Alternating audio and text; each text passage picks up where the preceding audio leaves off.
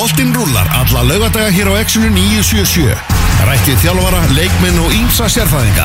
Elvar Geir og Tómas Þór mæta með fótbolta.net á laugadagum millir 12 og 2.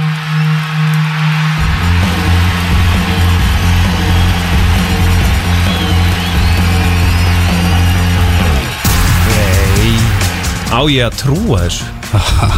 Það er ekki Elva Geir og Tómas Þór með okkur í dag. Það er eh, Elva Geir og Benedikt Bóas og við erum að horfa hérna Arsenal og Manchester United sem Tómas Þór er einmitt að lýsa á Siemens Sport. Arsenal er eitt og lifir og er að fá viti Já, ég, ég, sko, ég held að þú hefur hitt naglan á höfuð þegar að þú baðst bara uh, um að þeir myndu endur taka sóknina. Já, Því að það var Þetta meg, uh, sko Já, uh, Arsenal brunað upp uh, og Ödegard átti geggja sendingu inn á uh, grana, uh, nei hann hérna Saka. Bukayo? Saka. Ah. brotið á honum. Boltinn er rekkur til enn Ketja sem að tekur bara touch, leggur hann fyrir sig og klárar staðan orðin 2-0 en það var rángstaða en dómarinn fór í skjáin og fann út að það var í var viti Já, þannig að það er nú bara Þetta hvað vítaspinna Já, það er hérna. Bukayo Saka sem er á punktinum Vá, og, og uh, hann skorar. Já. sendir David ekki í, í, í, í rámt hotn að þetta sé fyrsta vítið hans síðan á EM Arsenal 2, Manchester United 0 Já, Það gengur ekki alveg vel hjá Manchester United. Við ætlum að ræða um þetta ennska boltan hérna í setni hluta þáttanins Þegar þessum leik er eh, svona við það að ljúka. Eh, Kristján Allir Ragnarsson ætlar að kíkja þetta til okkar Og við ætlum að ræða meðal hans um stöðumála hjá Manchester United Og eh, komu Erik Den Haag sem að tek við liðinu í sumar. Og við ætlum einnig svona að skoða bara barátuna, titilbarátuna, skoða barátunum fjórðasætið og, og fallbarátuna um, Náttúrulega bróðureksturinn á Sjón Dæs og svona Það er Leopold Everton á morgun, svakalegu leikur Mhm. Já, þú veist, Leopold eftir að rúla yfir þann leikur en það er já, já manni líður svona eins og að þetta sé verði leikur kattarins á músinni Já, það er þannig, herri, rosalega er samt oh, gott að vera komin hingað Aftur í fiskabúrið Já. á Suðurlandsbreytinni langt síðan síðast Hvað er langt síðan, er þetta mistur að þremu þáttum? Já, eitthvað, tveimur, tveimur Já. Nei, bara tveimur held ég Já, já, Já. ok En, já, maður er aðeins búin að vera að flakka um, eh, flakka um heiminn Búin að taka fimm lönd Já. á meðan Fór náttúrulega og fylgdi stelpunum okkar í kvennalandsliðinu sem að gerðu góða ferð fyrst til Serbíu, það sem er unnu Kvítarúsland og svo til Tjekklands, það sem að er lögðu heimakonur og eru núna bara í kjörstöðu til að tryggja sér sæti á HM í fyrsta sinn, HM í Ástralíu og Nýja Sjálandi. Já, það verður skemmtilegt. Það verður mjög skemmt, þetta er náttúrulega svakalegt ár hjá kvennalandsliðinu, geta treyst sér á HM og svo náttúrulega er EM í júli á Englandi á þessum litlu æfingavöllum hann, hóttum allar trissur. Þannig að þetta verður svaka stuð uh, Og er rétt að hérna uh, var ég að skoða alltaf réttan völl að, að hérna uh, það sem leikurum fór fram í Serbíu ha? það er bara uh, hann var uppi á bílaplani eða þú veist svona vestlunarmiðstöð og allt Já. þetta er það, þetta er þetta- sá völlur Já, þess að völlur, það eru mjög fáið svona vellir í heiminum Það er eitt svona í Sviss, Uh. í St. Gallen uh. Uh, Er þetta eitthvað sem að þú þegar þú horfir á hann og hugsar þetta getur nú lögadalurinn alveg gert. Já, þá þurfum við að vera með gerfikras, vantalega mm. Það er alltaf klart mál. En já, já, þú veist bara sama hvað völl maður fer á he- út í heimi þá hugsa maður alltaf akkur að þetta ekki þjóðaleikangurinn okkar? Já, einmitt. Herðu, Cristiano Ronaldo var hér að minga munin, getið sagt ykkur Arsenal 2, Manchester Wow. Eitt mættur aftur í, í liðið eftir að, gerir þetta vel. Eftir að hafa verið að sirkja í, í síðasta leik. En já, það var gaman að koma til Belgrad. Já, ok. Náðu að fara á leik með rauðu stjörnunni, það var skemmtilegt. Reynda byggarleikur, þannig að það var ekki fjölmend á vellinum En þeir sem mættu voru með stemming og stuð. Bara gaman að koma í þetta svakalega svona þessa Þetta umhverfi. Já, þetta umhverfi, þetta ringleika hús sem þessu völlur er. Uh, Hvert fólk til að fara á YouTube og, og skoða sko leikmannagöngin Mm. ef það hafi ekki séð það á heimavalli rauðu stjörnunar þetta er bara eitthvað svakalasta sem ég séð sko. Því lík öryggiskesla og, og eftir að fara á þennan leika bara maður verður að fara á grannaslæði Er það? Já, partisan er sko bara hinum með með götuna. Það Já, tekur, það tekur bara eru 430 metrar á milli. Já, það tekur örfa á mínútur að lappa á milli sko. Já.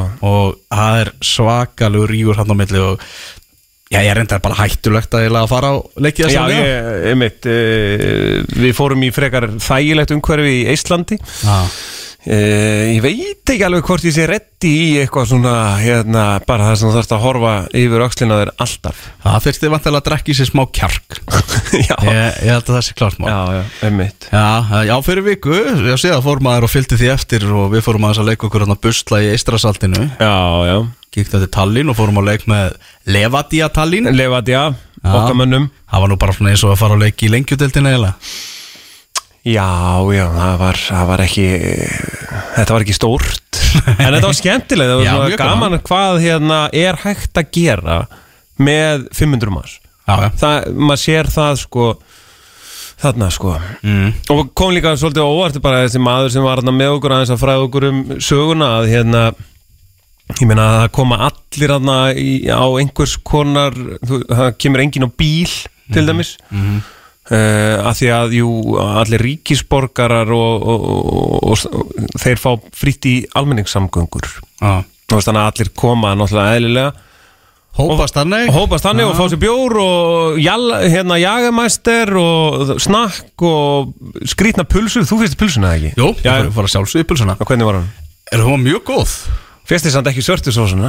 Nei, ég let ekki vaða í svörstisósuna hún var skrýtin, Já. það er skrýtnasta pulsur sósa sem ég hef séð. Það var talsvert álag á magan í þessari ferð Þannig að ég var ákvæða að láta svörstisósuna vera sko. Já, já, um mitt Já, En þú veist, það, það er gaman, ég meina þetta var bara léttur valbjarnavöllur svo hérna það sé sagt og, og hérna Það er líkari þróttaravellinum bara hérna nýja sko. Já, nýja, já Það er nýja, að- þú veist, aðalvellir er núna já, heldur einmitt. valbjörnavellinu Já, já Og það var bara hérna Hvað held að veri, 500-750 manns eða Já. sem að voru á hana og kúlbetta stiðja Levadia og hérna Nóa því nóga því og, og svo var hérna bara uh, skemmtilegt svona sölu bás Einfalt og gott. Einfalt og gott Já. og þetta bara virkaði og lukkudýr og Mhm. það er ímislegt að það gera Það er alveg, þetta leika sér eitthvað sko. Herru, besta dildin oh. Hún er farin að stað maður, okkar upp á stild Það var gaman að koma að lenda á Íslandinu góða og Beint í bestu dildin beint í bestu dildina sko. Ég ætla ekki að ljúga, það var ógæðislega gaman sko. Já, lendum bara á leikdegi þegar opnunuleikurinn fór fram. Það er líka mjög fyndið að fara á völlin einhverstari út í Evrópu og vera eh, svona, hérna, já, þetta er skemmtilegt, þetta er skemmtilegt. Svo kemur maður bara á sinn völl Þú veist, þú, ert eftir að finna þessa tilfinningu þegar leiknir spila sem fyrsta heimaleik? Á morgun. Á morgun og því að Valur fekk náttúrulega heimaleik og hérna, vera bara hann í fjósinu og þú veist, tölta svo yfir og, ó, þetta var gegja mm Herru þarna Ég var eitthvað þegar í gæra að FH var í leikmannaleit mm. og heyrðu einnig að það veri búnir að landa einhverjum leikmanni.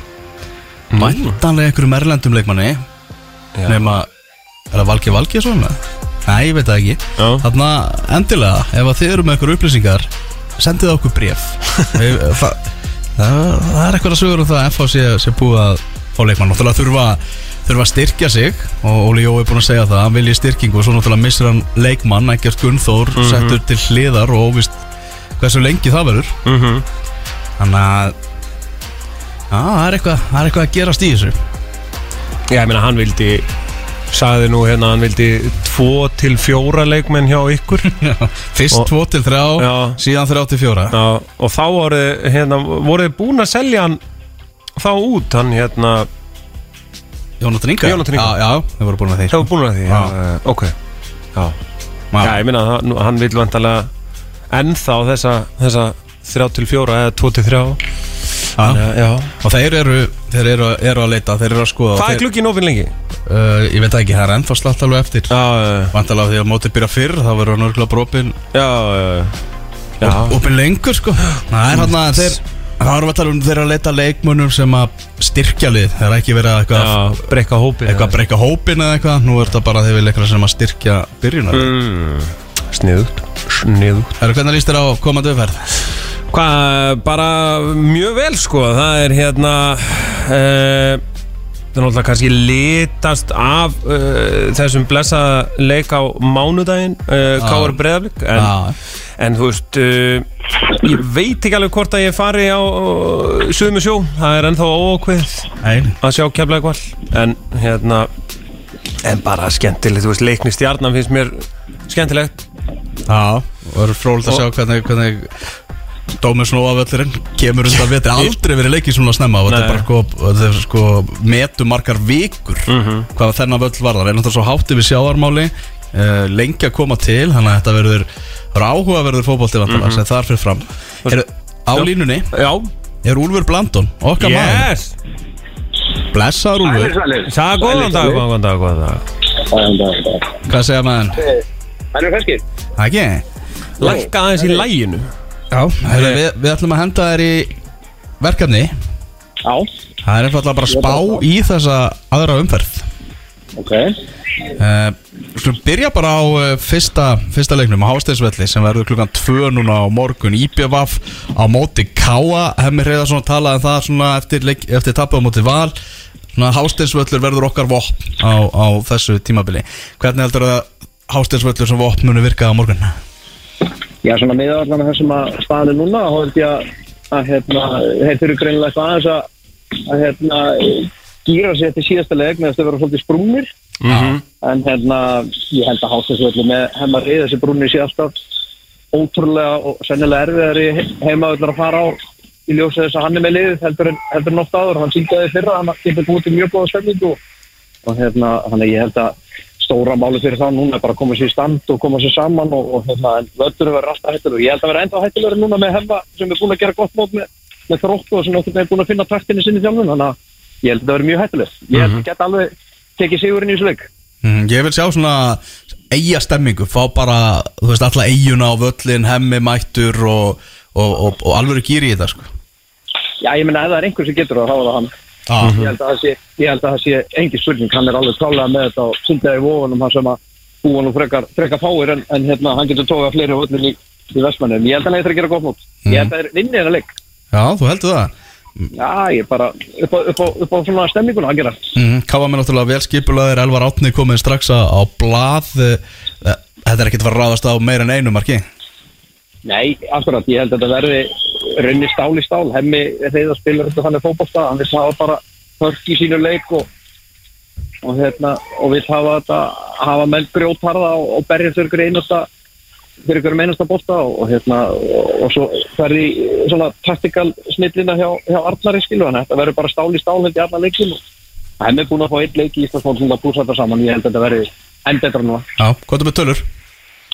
2-1 í bjóð Tvö típi og förum þá yfir á í breiðholti þar sem að eh, leiknir og stjarnan mætast á Dómus Nova vellinum klukkan fjögur. Stjarnan að það gera jafntefla heimavellum átti Ía og leiknir sem er fóru tómendi til Dalvíkur þannig að svona bæðilið svegt með niðurstöðuna í, í fyrstu umferð. Já, ég held að hérna leiknir sé á þeim staða að hérna, að hérna þeir eru eftir að púsa sig að spiltu saman. Og en, en stjarnan aftur á móti spilaði fínasta leik þannig að mér held svona einhvern veginn einhvern veginn er tilfinningi þannig að þetta verður kannski svona frekar einfaldur leikur fyrir, fyrir stjórnarliði sem leit nú bara bísna vel út og mér finnst að líta betur út heldur en oft áður og, og svona betri taktur í þessu og maður hlusta á viðtali við, við Óskar Örn að hérna, mann fannst svona einhvern veginn vera vera góðu gangur í þessu og var svektur með jætteflið og svona fyrst þess að hann sé svolítið að dræða vagnin og ég held að, held að stjarnan er eftir að vinna hann leik. Það má svolítið ekki gleyma því að leiknismenn við tökum sko bara heimaleiki á síðasta tímabili fjórðasæti sko Það er að, Já, svo er líka, ég meina, unglið stjörn eða svona ungu guttarnir hjá stjörnunni að fara á þungan leiknisvöll uh, þar sem að þeir munu vantarlega vera skrittaklaðar upp í nára. Ég held að það er ekki fallegur fótbolta Nei, að, að hérna, það er, þá er, þú veist, það er alveg, þó að þú er sért með uh, Óskar Örn inn á, þá eru, þú veist, leiknismenn allir geta að lefa einhverjum silfurskeiðar drengjum að fá eitthvað gefins þarna, sko. Hvað er með tölur úlur? Ég ætla að segja að stjarnan vinni þetta 2-0 2-0-0-2 Alvar, sorry með þetta en- Næ, þú hefur hvað sem er átt fyrir þér þannig að það skiptir einhver máli. Hérna er það klukkan 6 á Norðurálsvellinum einum æ, íða fagra Norðurálsvelli Akurnesingar duglegir að posta myndum af, af vellinum. Hann heldur, heldur betur til í slægin þegar Íslands og byggamestrar Víkings koma í heimsó og hérna ég held að það verði ég held að það verði hérna ég held að það verði ótrúlega erfiðuleikur mm. uh, hann er svona líður eins og eins og hérna uh, sko vikingar eru auðvitað þeim stað að, hérna að hérna þeir eru búin að sína mjög góðan svona gang bæði í undirbúnismótinu og núna í, í byrjun í Íslandsmótinu tóku þetta gríðlega sterkar sigur síðast mm. að skæin aftur á móti stríti í stjórninu mér finnst það svolítið áhugavert. Ég held að þeir myndu bara fá skell í fyrsta leik og hérna, Já, og, og hérna en, en einhvern veginn náðu að vera bara með Jón Dórallarni greinlega ég setta mikið á bakvið, línutnar og, og hérna það var svona upplegið að leggja það þannig upp. Vikingur aftur á móti er kannski aðeins svona meiri fókbóltalið eða ekkert aðeins skölvöld meira. Þannig að uh, ég held að þetta verði samt sigur hjá viking og þeir, þeir sigluður segjum og takkja tvo góða sigra bara í fyrstu fyrstu tveimur umfyrunum sem er mjög dýrmætt fyrir þá þannig að þeir byrja á móti vel og ég held að vinna þetta. Já nokkuð samfærdi, ég held að takja þetta þrjú eitt. Já. Já. Sannfærið að lokum, heyrðu á eh, sunnudaginn á sama tíma að í Keflavík, Keflavíkar sem að fengu já, bara stóra skell og búin að fá talsara gaggrinni svona eftir fyrstu umferðina á móti breyðabliki, það er annað reisastórt verkefni á þeim, núna komnir á gras á heimavelli á móti val. Já, ég held að þetta verði einfaldur sigur á val. Ég held að þeir þurfi að ná að byggja ofan á síðasta leik og uh, Keflavík eitthvað með fór rosalega skringilega inn í leikina með fast á móti, móti breyðarblik og hérna þess taktikinn hefði með einhvern veginn alveg gangu upp þannig að, að hérna, ég svona trúi því að, að hérna, valsmenn takir núna einhvern veginn svolítið öflugan sigur á móti Keflavík. Maður sér samt á því að heimaður Keflavíkur er erfiður og valsarðin fara á gras sem er kannski þeim ekki sérstaklega svona eh, eftir að vera búin að æfa á, á gerfugrasi þetta voru náða, er kannski ekki auðvitað að fara á, á gras í, í umferð 2 en ég held að vinna þetta samt sem áður, mér var svona að kepla ekki vera nú samfærið í fyrsta leik og, og hérna, ég held að valur vinna þetta hvað er það að segja? Það var að segja 1-0 Já, ok. Ég, ég tek það, ég Já, tek já, það. Þú tekur stíðin þrjú. Já, já, já. það er þannig. Heyra, það ætla að fara yfir á mánudaginn og þá eh, er það viðraugn FH og fram. Tvölið sem að töpuðu í fyrstu umfyririnu Mætast á kaplaglíkavelli klukkan 6 á mánudaginn. Sko, fyrirfram var ég einhvern veginn á þess að mér fannst, ég hafði trú á því að FH geti gert gott mót. Og ég hef alveg ennþá trú á því. Ég er búin að fylgjast með fylgjast vel með Óla svona gegnum tíðina, þetta er búin að þjálfa á sama tíma hann í, í, í val og, og hérna hann næri einhvern veginn og þeir tveir hérna Sigurðurn og, og og Óli ná einhvern veginn svona stemningu í liðin hjá sér. Þannig að uh, þeir hefðu alveg geta stólið þessu allar mútið vikingum og þetta hefði geta farið með fyrir verðum mæti ég ætla að segja að þetta verði bara svona þokkala fæinu sigur fyrir, fyrir FH og þeir vinni bara ef ekki segja þetta er bara í gýrun og vinni þetta bara nokkuð samfærið og það þeim öðru. 3-0, tveir, skellir hjá, hjá nýluðum fram í, í, í fyrstu tveimur umfyrunum ég veit að slínu verður mjög við mig núna en hérna, það er bara að hafa Heyrðu, svo endur við þetta. Rúsinan í pilsuendanum, það er stórleikurinn, risaslagurinn á meistar af öllum, það sem að K.R. og Breiðablик eigast við og bæði liðið náttúrulega unnu samfærið sér í fyrstu umferð Já, ég er svona búin að vera á þeim stað núna, ég er búin að spá alltaf sigri uh, öðru kóru liðinu og svona verið kannski treka fylgjandi í að stærri liði vinni litla liði, þannig ég ætla að spá þessu leik jafntefni. Já, kemur eitt í átöflið hann Já, ég verðum að hafa eitthvað jafntefni fyrir og það er eitthvað leikur sem geta enda jafntefni stáli tál, þá held ég að verði, verði þessi leikur. Ég ætla að segja að þetta verði ótrúlega skemmtilega leikur mm -hmm. og hérna, það verða mikið læti. Ég ætla að segja að þetta endi 2-2. mm. Í geggjum leik þá Já, Já, í geggjum við Já, leik. Ég held að þetta verði ótrúlega skemmtilegt þá vera, já, spáin er allavega núna góð, þannig að ég held að vonandi helst hún allavega fram á mánda og þeir fá bara áhverjandi að fá það sem þeir vilja. Algjörlega. þetta er ótrúlega, ótrúlega svona safaríkur leikur. Að sjá svona K.R. getur náttúrulega bara sendt stór skilabóð við bara taka þrjú stig hérna á móti, móti blikunum. Algjörlega, ég held að þeir séu einmitt á þeim stað núna og þeir einhvern veginn svona er aðeins undir ratarnum mm -hmm. þannig að uh, sem er ótrúlegt út þeir eru bara með alvöru lið og, og hérna með stóran og, og, og hérna öflugan hóp. Þannig að en þeir á einhvern veginn samt á einhvern veginn að svona sigla svona undir ratarnum ég held einmitt að ef þeir ná að koma sér í gýrin almennilega og vinna þennan leik þá eru þeir til alls líklegir. Það er svolítið þarna Já, svolítið leiðilegt að tala um skilur læti og svona að fá þennan leik að Kjartan Henry Fimboðsson sé að byrja í tveggjarleikja banni og sé ekki, ekki með í þessum leik heldur sko. það býr allavega það minkar aðeins stemninguna, það er alveg punktið hann er klárlega komið með ótrúlega mikið vesen inn á völlin mm -hmm. og hérna að það er svona ja, hann er bara karakter og maður vill auðvitað í fótbolta missa út stóra karakter inn innum einasta leik þannig að hérna en uh, ég held að ég held að þetta verði samt sem áður mjög skemmtilega leikur og menn eftir að gera ríkala gott mót þarna og þetta verði bara alvöru og ég vona ég vona hérna þetta verði bara alvöru leikur. Fyrsti leikur á kjartani er þá Valsvelli. Já, Valur K.R. Eftir viku. Rúma viku, það er laugadagskvöld Já. Valur K.R. eftir viku Það er heldur það við er, er alvöru. Mm -hmm. Það er nefnilega alvöru líka. Erum við erum að tala um það að IPVF vinur K.A. Stjarnan fyrir breiðolti sækir þrjústig uh, Íslands og byggamestarar Víkings vinna, Skagamenn, Valsmenn vinni Keflavík, FH rúlar við fram og jafntefli, marka jafntefli í stórleik K.R. og breiðabliks. Þetta er, þetta er spáin sem að Úlfur Brandon er að bjóða okkur upp á. Er þetta ekki alvöru serill? Þetta er góðu segil Þetta er mjög góður segið Ég, ég er, ég er ánað með þig er ekki? Já, já, Þetta er betur kliði. Herðu Úlfur, takk hjá fyrir þetta. Vonandi sjáast við eftir, eftir viku þegar að uh, lengjutildar spáþátturinn okkar verður á, á dagskráni algjörlega, engin spurning. Takk fyrir að, að hérna, heyri mér og, og hérna, eigi góðan dag. Líf og fjör, bye bye. Takk fyrir það, bye bye. Já, Úlfur Brandon einn og okkar sérfæðingum aðeins að fara yfir þessa aðra umferð. Mm, Ertu eitthvað svona ósamála einhverju spá? Já, nefn Nei, ekkert eitthvað sko uh, Ég er alveg ég, Allt í einu er ég að verða svolítið skotin í Ía Víking sko mm.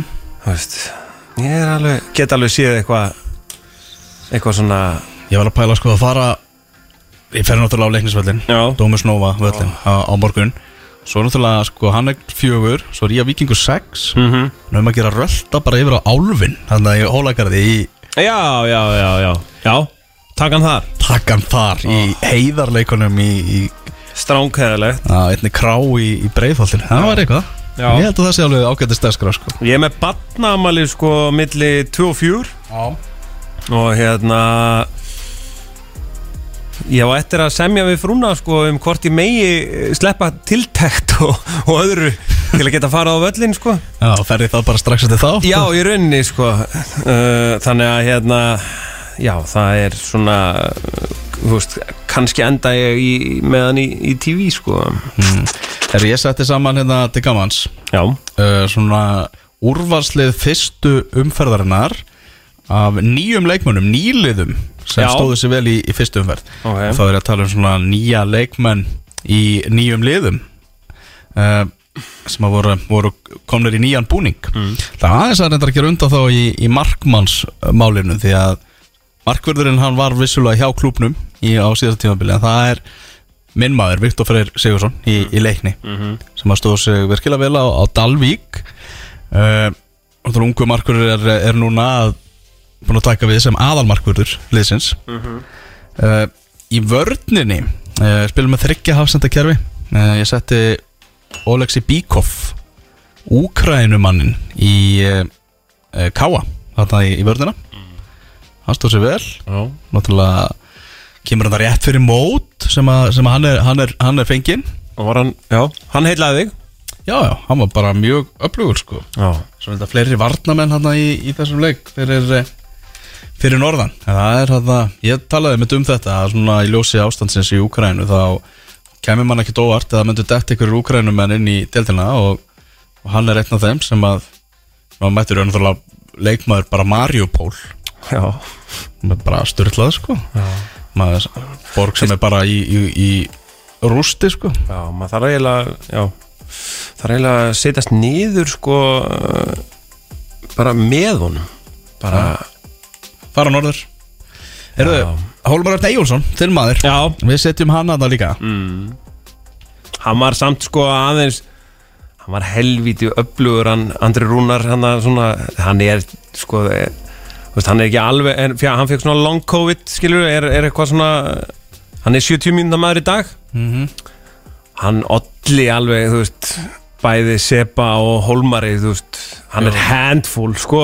Bjóð til var VSN Já, og maður sé, sér sko ef að eigamenn geta unnið vera nær honum að þeir eru alltaf svo langt frá ef þeir geta unnið í kringum hann meira þá er þetta ekkit þú veist það er geggjað vopn en Holmar var samt flottur og, og þú meina þá, hvað ætla að vera margir á valsvellinum á móti íbjöða, þúsund manns, 1100 manns eitthvað, ég veit ekki. Hann er með þokkalegustu rödd sko, þú veist, hann það heyrist í kallinum þegar hann er að öskra sko. Já, alls engin nýliði þráttur að vera í þessu nýliða liði. Mm -hmm. uh, Oliver Ekroth, hann er hann einnig Æ, Ég er náttúrulega fullkónlega ósamála því að Jasper Júlskart sé ekki aðna en, en, en hérna, Þú vilt fleiri valsmenn. Já, nei, ja, mér varst bara hann Það var svo gaman að horfa á hann hérna, að því þá varst að horfa á unga spræka graða e, eigamenn sílu sem uh, voru með hátt spennusteg og allt hannig og þá var bara hann að Júlskart atvinnum maðurinn og hann var all, öll sko, allar sendingar upp á tíu uh, body check og svona varnarstöður 10,5 uh, Þú veist að Þú nærði ekkert að fá Oliver Ekroth út úr liðinu Nei, nei, þetta er þitt lið Þannig að ég er bara sko. Sa Saman rekni svíin hann Það er Já. rosalegu tankur með Já, já, líst vel á þetta. Já, já, vikingum Mhm. Uh, Já, heldur maður fram svona nýliðar sem að eða, me- leikmenn í nýjum liðum sem stóðu sér vel í, í fyrstu umferðinni. Tökum tvö, stjó, tvö, tvö stjórn stjórn Hvað, ég ætla ekki að ná þessu út um mér. Tvo stjórnumenn Tvo stjórnum Já, Jóhann Átni, Jóhann Úleit Það sjálfsögðu, skoraði. Og Óskar Örn Haugsson Já, Já, Jóhann Átni 19. tímabili í röð. Já, 19. tímabilið Þú veist, Það eru nokkri 19 ára í þessari dild sko. Hallur Hansson Við verðum náttúrulega að hafa færi engi liðinu. Erum reynda með tvo í liðinu þarna. Já. En Hallur Hansson mættur færiski landsliðs fyrirliðin í KR Hann virkaði bara á einhverju Hann virkaði góður. Þrátt hann að vera í sóknarlinu hjá blikum Þá er hann á miðjunu hjá mér Ísak Snær að sjálfsögðu. Mm. komin í breyðabrislið mörgum kílóum léttari heldur en fyrir árið síðan. Þannig að hann er í þessu, þessu liði Það var fram með nýliða liðið eh, frammi. Kæleo í Bartalstofu færi einhverjum skoraði jöfnunarmark skagamann á móti stjórnun í Garðabæ. Tvö, tvö endur leikar þar. Kæleo hérna með aflitað hár og, og, og strax búin að opna marka reikningin hjá skagamannum náttúrulega mikla vonir bundar við hann á, á Akranessi Já, já, ég meina hann er náttúrulega síndið það oft á tíðum að það eru gæði hann og kannski vantaði stöðuleikan í val þú veist, maður alltaf býða einhvern veginn eftir einhverju geggjuðu. En það kom eiginlega aldrei þannig að það var svona ég held að það verið bara farsæl lausn að hann myndi fara og hérna óskum honum allsins besta. Mm Það er svo veljum við að sjálfsögðu uh, einnig uh, leikmann sem að uh, já kom, mér svolítið óvart þegar var í byrjunliði Víkinga, Ari Sigur Pálsson hann skoraði Já, þessi smá en knái leikmaður. Smá en knói já, virkilega vel gert hjá hann og frammi síðan uh, í fre- fremsti maður er Stefan Ljúbisits sem Já. að einnig skoraði. Mm uh, byrjar uh, KR ferilin sinna á því að skora í fyrstu fyrir Íslandsmótsins sem er Já, ríkilega uppljótt Sigur Bjartu gerði það reyndar líka þegar hann kom hann inn á sem, sem varamæður Mhm. þannig að þetta Það er líka bara gott fyrir Ég meina það er öll pressan á framlínu mönnum KR Það er bara þannig Ég meina það er engin kjartan Henry til að gera neitt Fyrstu tóleikina uh, Flóki farinn ja, Flóki rátt uh, Þannig að það, þeir verða bara að gjöra svo vel. Hversu gýraður verður Kjartan Henry í þessum leik? Á móti Val? Bara búin að vera í stúkunni fyrstu tvær umferðirnar og svo, Ég, ég smeyku við hann. Ég get við kent það. svo bara þessi mikli káeringur að fara að mæta val bara í þriðju þetta Laugadegi kluga 19.15 Ah. Það verður eitthvað Já, ég, ég, ég, já, Það verður, það verður erfitt Nákvæmlega. Úrvarslið nýliða uh, leikmanna í nýjum liðum sem að uh, stóðu sér vel í fyrstu umverð Viktor Freyr, Ólexi Píkov, Hólmar Örn Ejjólfsson, Ólfur Ekroth, Hallur Hansson, Jóhann Átni, Óskar Haugsson, Ísak Snær, Kai Leo, Ari Sigur Páls og Stefán Ljúbisits. Það er bara þannig að stór... Óskar, Óskar Örn var búinn að skora tvö eða í tvö tímabili þegar Ari fættist Það er rosalega. en ekki 17 ára. ég held að það sé 17 Ah. já, ég veit ekki, já, já hvað þeir eru? Ah, Það er, það er svakalegt. En hann á náttúrulega klárlega eftir að ná 20 tímabölum í rauð, sko. Óskar? Já, pff, klálega hann er okkar, Ah, Ari Sigur Pálsson er 2003 mótel, 19 ára gammal. já, 19 ára já, Já. ok, já Já, ég, bara, ég, Bara mér finnst þetta bara svo ógæðslega gaman að þetta sé byrjað. Þú veist, ég veit að, hérna, við vorum í neitt síðan þegar, hérna, e, Jói Kalli var ráðinn og við tókum viðtal við, hérna, eh, formann Skagan sem sagði, það eru 80 dagar í þetta. Og maður var bara, vá, það er svona stutt. Og svo er þetta bara byrjað. Er Og-. Og það er bara, ó, það er svo mikil hamingja og allur svona fókus fer, og þetta er líka svo mikið góðsendtíð bara fyrir íþrótt að nörda sko. Veist, það er úslitakeppni í handbólta, úslitakeppni í körfubólta, fótbóltin að byrja, lokaspretturinn í Englandi, veist, það er bara, oh, love it. Þetta er mín, mín mín uppáhalds ástíð. Það er svolítið Já, ég meina En þú veist, ég er náttúrulega held með val sko, þannig að við erum oft oft á mörgum stöðum bæði handbólta og körubólta núna. Mhm. Þannig að, já, skemmtilegt. Já, Skemmtilegt, skemmtilegt. Það er bara þannig. Herðu, við ætlum að um, taka okkur smá hljep Svo þar á eftir ég ætla reyndar að fara að setja hérna inn. Að byrju Níu. Nei, Nei, hann svarar ekki. Hann svara ekki, þannig að við gerum bara aðra til hérna eftir. Ætlum að reyna að ná í Arnór Svein Aðalsteinsson aðeins að eh, ræða um eh, stórleikin meira. Það er um Já. ekki hérna því það er náttúrulega reysaleikur á, á, á káarvellirum mm Og Úlfur líka nefndi það að spáin er góð fyrir mánudaginn. Silvi, þannig að það er ekkit það er bara gott veður í dag og morgun svo að kólnar aðeins á mánudag en, en þú veist það er nú bara hugar ástand. Já, það er þarna veðurkuðunir er, að- er að aðstofa hér í upphafi deltarinnar Já, sem er vel sko því að hérna uh, Arnar Daði fótbolta, uh, svona íþróttan nörd þjálfar í gróttu og annað var hérna í þættinum mínum á Ringbraut í gær og hann var, uh, sagði þetta orðaði þetta ágætlega, að, þú veist, hann var bara drullu smeykur um að byrja að spila í apríl sko Þannig að við ætlum að vinda okkur þá næst í þáttinn hjá þér í gær Já um, Það myndist aðeins á hann aðan Þú varst þetta með uh, Arnar Daða og Arnór Smárásson mm -hmm. hjá þér Arnór Já. Smárásson leikmann val sem að kom náttúrulega inn á bekknum og skoraði þarna sigur markið uh, í, þessu, í þessu leika móti eigamönnum og bara mikil toppmaður sko. Já. Mikil karakter.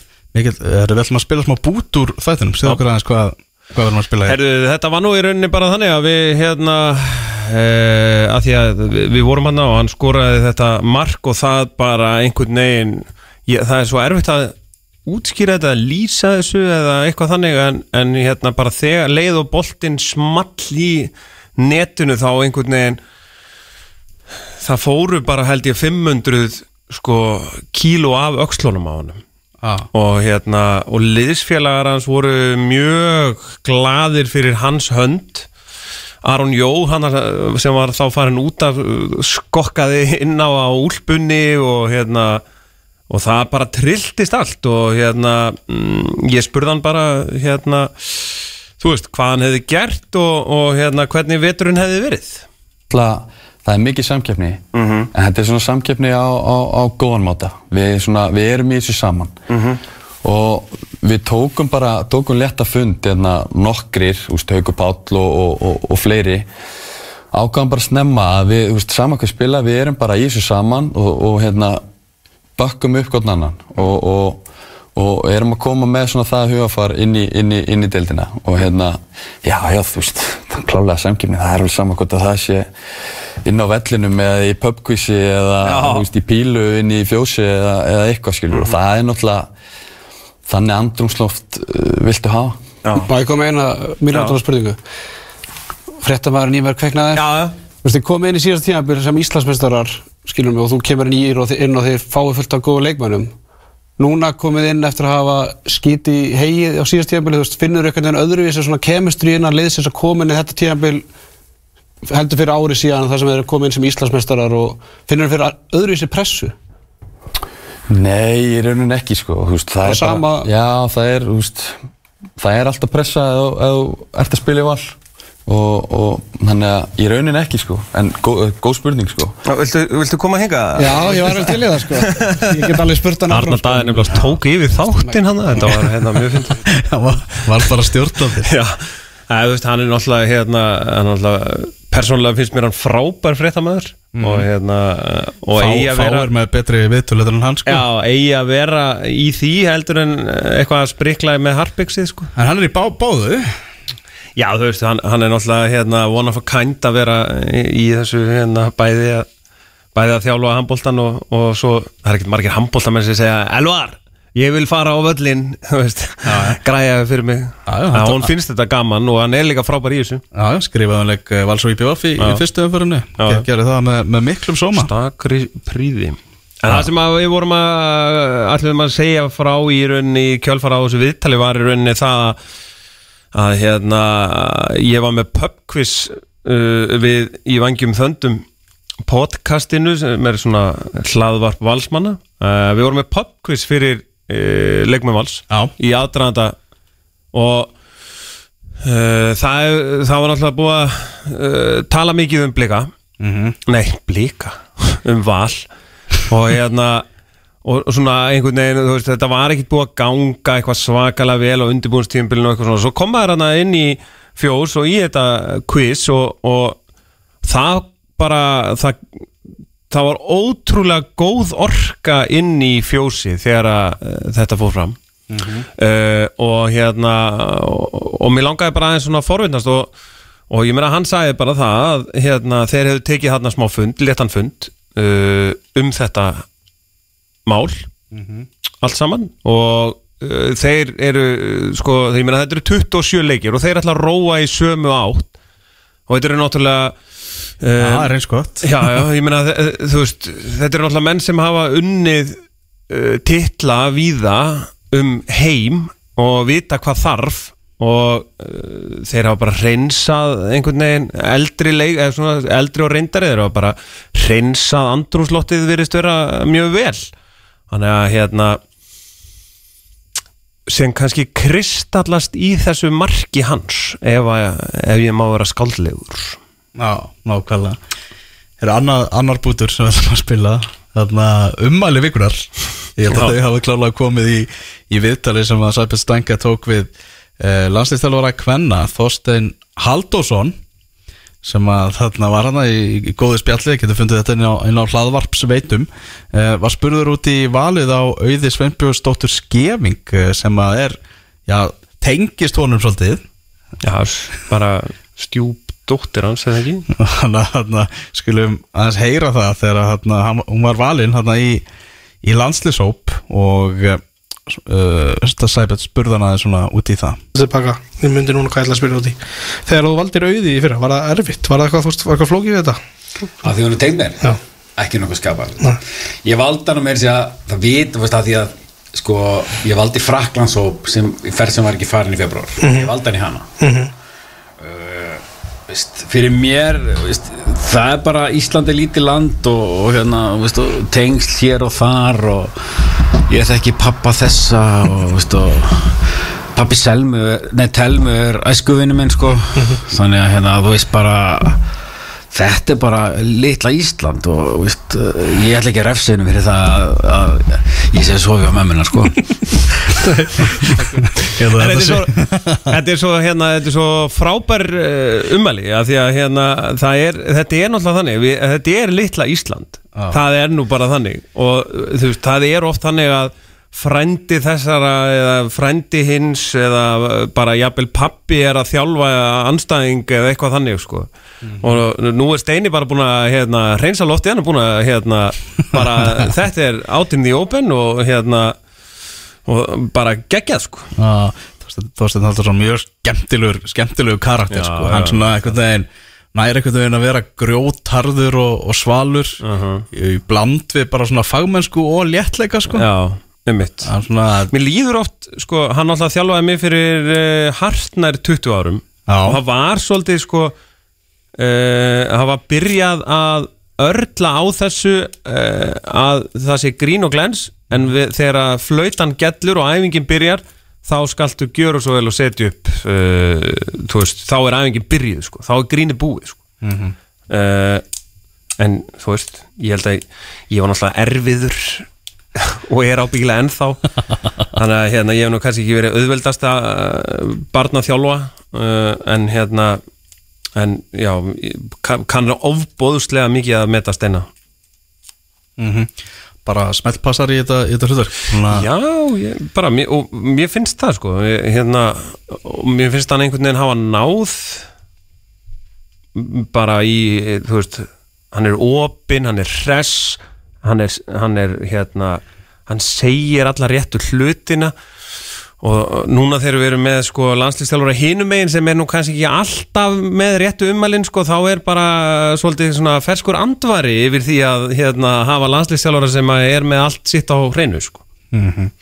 Tökum okkur smá hlið, höldum áfram með útastáttin fótbolti.net Ég er rétt á eftir Þið eru að hlusta á útastáttin fótbolti.net Hér á X977 Alvar Geir og Benedikt Bóas með ykkur og eh, það hefur borist liðstyrkur hingað í stúdíói því að Kristján Alli Ragnarsson okkar sérfræðingur um ennska boltan hann er mættur, blessaði Kristján.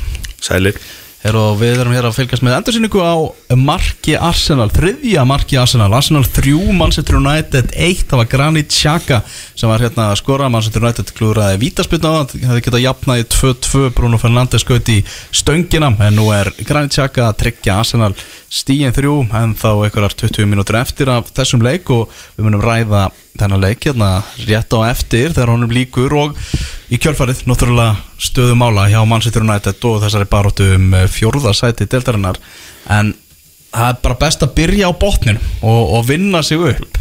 Uh, Það er alltaf gott. Það er alltaf gott. Uh, Förum við í fallbaróttu en skúrasteldarinn og risa fréttina sem að bárust fyrir rúmri viku þar þegar að Sean Dice fekk sparkið. Maðurinn sem- sem maður hjælt bara að væri gjössanlega ósnertanlegur hjá Burnley var skemmtilega bara reikin Já, þetta er hérna þetta, þetta er dráhugavert því að fyrstu viðbröð bæði hjá mér og, og, og held ég ansi mörgum ah. voru að þetta væri fáránlegu tímapunktur þegar það eru 7-8 leikir eftir þetta er orðið allt og seint ef þú ætlar að gera eitthvað sem við tölum bara að vera að kasta kvítahandklæðinu með þessu. Já, og sko hvort þetta væri þá framtíðar eða hvort það hefði eitthvað gæst þarna en svo voru fréttir að því að leikmenninni væri allir bara hálf sjokkiraðir yfir þessu. Mm. þannig að ekki les maður neitt út úr því að það hefði verið neitt vandamál í klefanum eða neitt svoleiðis. Eins og þú segir Sjón Dæs var greinilega bara mjög vinsæl fígúra þarna en menn, menn hafa hugsað með sér kannski að þetta væri óvænt svona gulli tækifæri og ef það væri einhvern veginn hægt að hrist upp í þessu til þess að lifa af þetta tímabil þetta hörmungar tímabil hjá bönli þetta er náttúrulega þetta er ekki bara það að liðið hafi valdið vombriðum og séu í fallsæti eftir að hafa verið í þessari deildi nokkur ár heldur náttúrulega það hefur rosalega margt annað meðslu og annað fara ítla með það og svo mistur Chris út í janúar, þetta búið rosa erfitt Mm. þannig að menn hugsa kannski með sér líka það er hægt, ef við getum bara mögulega lifað af, þá er kannski hægt þú veist að, að standa eins í fæturnar aftur í sumar og, og vera úrvarstildar klúpur aftur á næsta hausti. Mm. Ég held að það verið En- komið þreitað í klefa. Já, Þú veist, leik, en- já, leikmenn en leikmenn svo- mun ald- aldrei segja það. Já. veist, veist, bara virðingu fyrir Dice. Hann er náttúrulega búin að fara niður og upp með þetta lið aftur og hann, hann bara nánast á þetta lið og all, búin að skapa það í sinni mynd. Stundum er menn kannski bara búin að vera lengi og það þýðir ekkert að Dice sé allt í norðin liðlegu stjóri eða, eða eitthvað svoleiðis, það Nei, bara þýðir það að það var bara kannski þörf á breytingu og það sem gerist svo er að þeir fara og vinna þennan næsta leik á móti Sáðandón og er allt í henni þeirri stöð að geta lift sér upp á fattsætun í dag. Og, og Everton á nú aldeilis leik á morgun og ég er búin að spá því hér áður. líka leika á morgun. Já, það er á morgun við undan. En þeir eru á undan, þannig að þeir geta fyrir búin að setja Everton með jafntefli, þá eru búin að setja Everton í fallsæti áður en Everton mætur út af Anfield. Og hérna og þá, hvað getur maður þá sagt? Þá, man, manni finnst þetta að vera seint og, og eitthvað og ítla komið fram við dæs og eitthvað bla bla bla, en hvað getur maður sagt ef að liði bjarga sér? Þá er þetta bara hárið rétt. Þá eru menn bara búin að taka sensin og rúla teiningunum og þeir fengu tvo fjarka upp og vinna borðið. Það er nánast búin að vera með sama leikmannhópi núna bara í mörg ár, spila alltaf skilur fjóri, fjóri, tveir kref, kref, krefst þess að fá svakalett vinnu framlega frá mönnum viku eftir viku. Ég, mér laðist sá grunnur að svona, það er bara verið komið svolítið þreytaði menn sko. Hann var slett tíu ára eða ekki með Jú, nánast. Já, og, jú, jú, jú, þú veist oft fá mennum bara nóg eftir þrjú ár sko af sömu, sömu aðferðum en ég er alveg hérna mér varst þetta svona sjokkerandi af því ég held bara ha, veist, af honum þú veist, ég held bara að hann væri heilagur hann sko. Já, maður held það sko. En, en ég meina það, það er engin heilagur og, og tíu ár eru svakalu tími í fótbolta. Við meðum ekki gleyma því að þú veist, menn eins og Wenger og Ferguson voru undantekningin frá reglunni. Menn stjórna ekkert fótboltalið tíu ár í nútíma fótbolta nema Nei. bara einhverjar algjörar undantekning Já, þú veist, mér fannst bara einhvern veginn að því að ég, ég meina, hvert er börnlega að stefna Já, er það ekki að stefna svona kannski á 15 til 10 er það ekki svona raunhæft? Jú, jú, Þú bara verið í þessari deild. Vera í þessari deild og Verið í þessari deild Og- og geta kannski tekið köpbrón eða stöku Európudeildarrann Já, eða eitthvað sko, þannig. en bara þessi stöðuleiki í deildinni, Einmitt. úrvarsdeilda félag og mér var svolítið svona ok, eitt vond tímabil Já. og þú veist, ég meina hann er ekki bakkaður upp þannig, ég meina þeir selja Chris Wood til í var nánast að það var náttúrulega klásúla í sannvignu, þeir gátt ekki stoppað. Þannig að mistökjum voru að gefa honum klásúla á sín tíma. Já, já, þegar þeir, sömdu við hann. En þú veist, bara ég meina, við hverju bjúkust þér Já. og þú veist, er hann ekki í rauninni rétti maðurinn til að reyna eh, bara á hann ekki það skilið, en engin, þú veist, svo er þetta bara þa þannig business model að En ég maður veit ekki, þessi gaur, þú veist, Alan Pace sem að kaupir liðið mm. veist, hann er ekkert búin að vera með Sean Dice þessi tíu ár Nei, hann nei. kemur inn, á, inn í fyrra sko. hann hefur kannski bara aðra sín ég meina, svo náttúrulega fótboltinn sem bönlega spilar er umdeildur Já, þetta já. er svona ef ég, ef ég ætti að fara að stilla upp í eitthvað töflu hverju spila fallegasta boltinn í deildinni þá eru börnlegi í 20. eða 19. sæti Mhm. Já, 20. sennilega 20. sæti, þetta er ekki fallegasti boltinn í deildinni, alveg langt í frá þannig að þú veist, hérna, þegar þú horfir á þú veist, eins og til dæmis Brentford er svipa lítill klubbur og þeir gáttu komið þarna upp og verið að gera fína hluti án þess að vera þessi hnóð, hérna, tuttabolti Sem er- svo ég orðið að fallega. Já, er ekki dæsarinn eh, hérna frontur er í íslenska landsliðið eða? við veitum kannski að ráðan bara.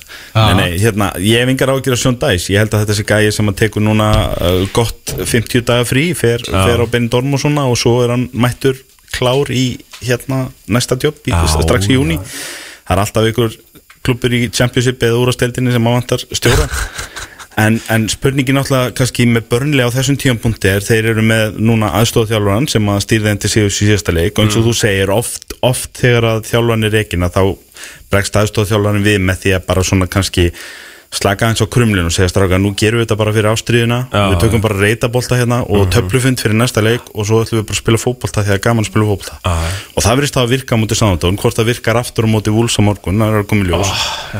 En hérna en hann sagði líka, þessi aðstoflulu sem er alveg stólum hvað heitir uh, hérna, hann sagði núna í, á blagamannafundi gær, hann vissi ekki hvort að hann kláraði tímambili með félaginu eða ekki. Já, Mike Jackson? Já, þannig að það á al- já, einmitt, þannig að það á alveg eftir að koma í ljós sko, eru menn að fara að ráða stjóra þarna eftir helgi eða ætla að klára bara án dæs, var það bara máli að losa dæs út. En og meina, sjá hvað verður áður en að þeir ráða stjóra í lók meina, Mike Jackson er bara áframskilur með sömu uppskrift og, og Sean Dice, það er bara 4-4-2 og... Já, en það er kannski, eins og ég segi, það er kannski lett aðeins til eitthvað á, á æfingasæðinu og svona, þú veist, það er búið það að gefa mönnum ákveð spark, það er, það er smá sjokk í þessu að já. fjarlæga mannin sem er náttúrulega aðal í klubnum og, og, og, og þeir sem eru eftir reyna svo kannski að stýra því í hvaða farveg það fer með leikmenn og það verðist þá að fara vel í leikmenn allavega á þessum eina leik mm. skulum sjá hvort að það heldur áfram á morgun mm. Watford og Norwich, getur bara dæmt þá niður eða ekki? Watford er að fara að tapa stort í dag Já. þannig að jú, þetta er Burnley og Everton eins og staðan í dag, Burnley eru búin að gefa sér séns. Þeir eru liðið sem lifnaði við. Uh, Ráðning Rói Hodgson hafði kannski ekki þau áhrif sem að menn vonuðist eftir hjá Watford, það var svona svolítið desperate uh, move líka hjá Watford, Og hann það er er bara ekki alveg virka Hann er bara að falla í fyrsta sinna á ferli sínum sem stjóri. E ef allt eins og stefnir já, Já. ég meina þá, þá verður það eitthvað sem hann fær á félagskunna. Seint og síðan meir maðurinn sem á að fara eftir laun Hvað finnst þér um hann ummælinn hjá, hjá Jörgen Klopp? Þarna sem að var að tala um að hann myndi bara að sakna þess að hafa Evertón í deildinni eða þau myndi fara niður? Veistu það? Jörgen Klopp er bara betri maður en ég. Og það er rosalega það er rosalega óþólandi alltaf þegar mann langar að detti eitthvað træbalisma að þá er hann alltaf fyrstur mættur, hann er alltaf að rósa þú veist, já, sólskær ég fíla hann, þú veist, já, hérna Pepp og ég, ég er bara innblástur af Pepp og, og maður er eitthvað þegiðu klöpp ég, ég vil fá að hata þessa menn í friði. En hann er alltaf að minna mann á sko hvernig er hægt að taka það high road og vera, vera maður að meiri og, og hérna, og koma fram að smá klassa og virðingu við, við alla líka nágrannæna og erkifjendur og annað. Ég, ég hef svo sem sagt að hér ég hafði svo sem enga skoðun á því en, en hérna aðra en þá kannski að fá upplifa þórðagliðina einu sinni. Af því að Liverpool vinni titil sama ár og Chelsea nei, og sama ár og Everton fellur. Ah. og, og hérna en ef að Everton fellur ekki þá er það ekkit ég hef enga sérstakka skoðun og því. Ég er sammála á því, ég myndi sakna þess að hafa ekki borgarslægin júrastildin á næsta ári, að hafa ekki þá Já, tvo leiki já. til að hlakka til. Já, já. og náttúrulega sem Leopold maður þá hlakka maður til þeirra þessa dagana frekar heldur en að kvíða fyrir þeim. Já, eins og Klopp sagði bara þessar vikur í kringu, kringu leikina eru bara svo skemmtilega Já, Það er stemmingin er einhver lík í borginni þegar þessi að mæta sko. Eina sem Og fólk talar um er þessi leikur bara Já, já, það er alveg rosalur og, og bara deildi myndi missa þetta. Þetta eru, þetta eru þessi leikir eins og City United og Arsenal Tottenham, þetta er ekkit margir svona derbir í sem eru á þessu leveli í úrvasteldinni og það er því sjónusvektur að missa þessa tvo leiki úr kalendarinu. En já, en, en ég er samt ekkit eitthvað að fara að, þú veist, kveika á kerti ef að Everton fellur, sko, það verður opnum flaska. Ég, við ekki það alveg. Já, hvernig finnst þið svona Frank Lampard hafa staðið sig? mér finnst hann vera að gera allt í lagi en ekki nógu vel á sama tíma og í ómölu stöðu þú veist, það er, það er í raunin hægt að afsaka hvað hann er að gera að hann gengur inn í rosalega erfiðar aðstæður og leikmanna, leikmanna sem er bara einhvern veginn búin að þóla á mikið og er einhvern veginn búinn og hefur enga trú á neinu og svo er kalvurslúin alltaf mittur og, og þú veist, þetta er bara búið drull erfitt. En, en svo horfum maður aðra stjóra. Ég meina, gekk Eddie Howe inn í eitthvað þægilegra starf hjá Newcastle hérna mánuði fyrir það Nei þú veist, þetta er alveg hægt og, og ég veit, ég veit og nú er allir úti í bæja hlusta og hugsa með sér að rifja upp að Newcastle leitu mest allra í Európu í janúarklukkanum en Eddie Howe var búin að rifja þetta í gang áður en þeir kiftu leikmenni Já, já, ég meina, hérna sem vinna maður- leiki. Já, ég meina, þá, það var náttúrulega bara allt annað Já, Þú veist, og ég meina, það er hérna Þetta work ethic sem hann hefur er víst bara ótrúlegt, já. sko. Og Mike Mars hlutinni liti ekkert mikið betur út hjá Leeds United heldur en Everton fyrir tveim mánuðum. Nei, nei, nei en, ég, en Mike Mars er búin að lifta þeim út og þeir eru, þeir eru safe já. Mhm. Jesse, Jesse Mass Nei, Jesse Mars er Mike Mars Mike Mass, hvað er það? ég, var, einmitt, ég var ekki alveg viss. Já, er Gammal leikmaður. Já. Þetta var Le- Leopold Freudianski Já, en, já, ef við tökum það bara Hvernig finnst þið Jesse Mass hafa komið inn hjá, hjá Leeds? Hann er bjargæðum það er, það er það sem þeir voru hann var beðin um að gera í vor. Já.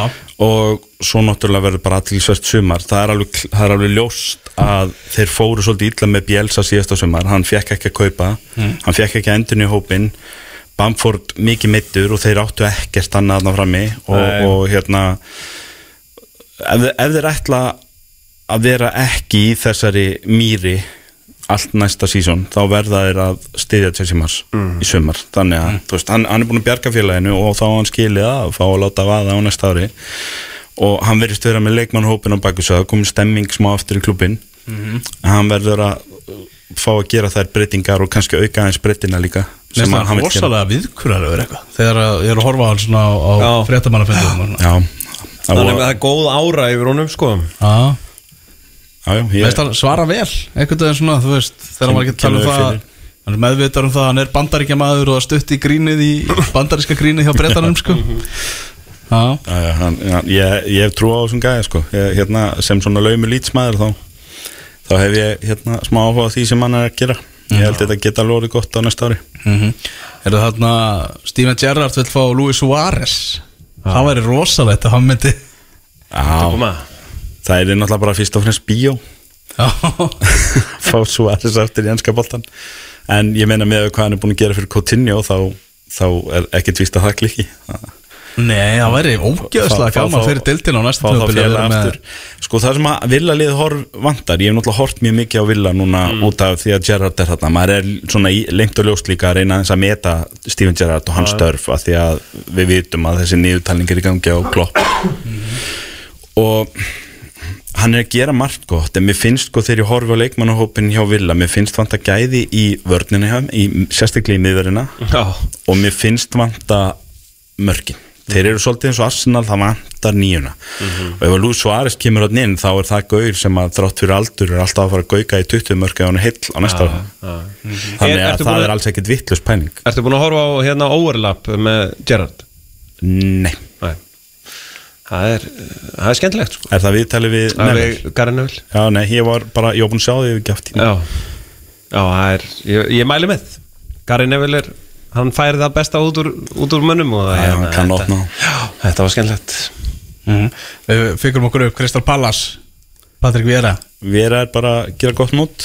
Ég meina með Miklu betra en maður hérst ég spáði því í ágúst eins og ég mynd á hérna áður Já, já. hann er í fyrsti því að það er einhvern veginn svolítið palaslegt líka að vera svolítið fljótir að panika og fara aftur í já. Níl Warnock eða eitthvað Það voru engin teikn á lofti að, að sko Patrik Viera væri með Krista Palaslið bara safe and sound og bara Já. fá rós og, Já, hann er bara einhvern veginn búin að ná endur nýja þetta og þeir eru að spila flottan fótbolta og þeir eru bara um ligna sjó í deildinni og aldrei nálægt neinu fallvesinni og aldrei nálægt neittning krísu, ég veitur, bara gengið flott og undanúsliti byggar og- Já, já. Bara, þú veist, einhvern upp á alveg 8,5 sko. Ég svo kemur hann einhvern veginn sko eins og núna hana, Hall of Fame hérna uh, í ennska boltanum. Var að vera að taka hann þar inn?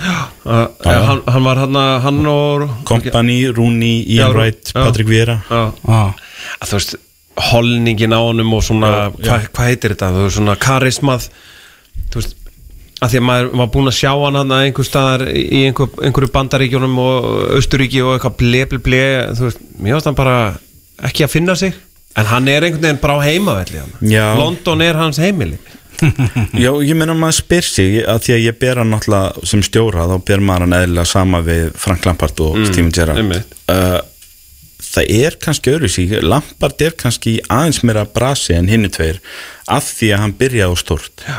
Vera, þú veist, hann, hann fór og spreyti sig hérna, hann fór til bandaríkina og svo fer hann og spreyti sig í eitt sísón eða hvað var í Östuríki og eitt í Fraklandi Pressuminni deildum. Já, og Já, svo hann komið til Crystal myndavélinni, Palace sko, þar sem að menn eru bara hæst ánæður og kampavín yfir því að stöðunni sem þeir eru í í dag. Já. og Aston Villa voru náttúrulega í vondum málum þegar að Gerrard tók við, þeir voru að slæta niður í fallparatunum, hann er búin að koma þeim upp í meðadeild sem er bara búið að flott með þennan hóp og búin að bæta rosalega mikið svona stemminguna í kringum liðið Já, og, já. og þetta er miklu meira spennandi einhvern veginn að horfa á það í dag og, og, og fá Coutinho aftur og annað.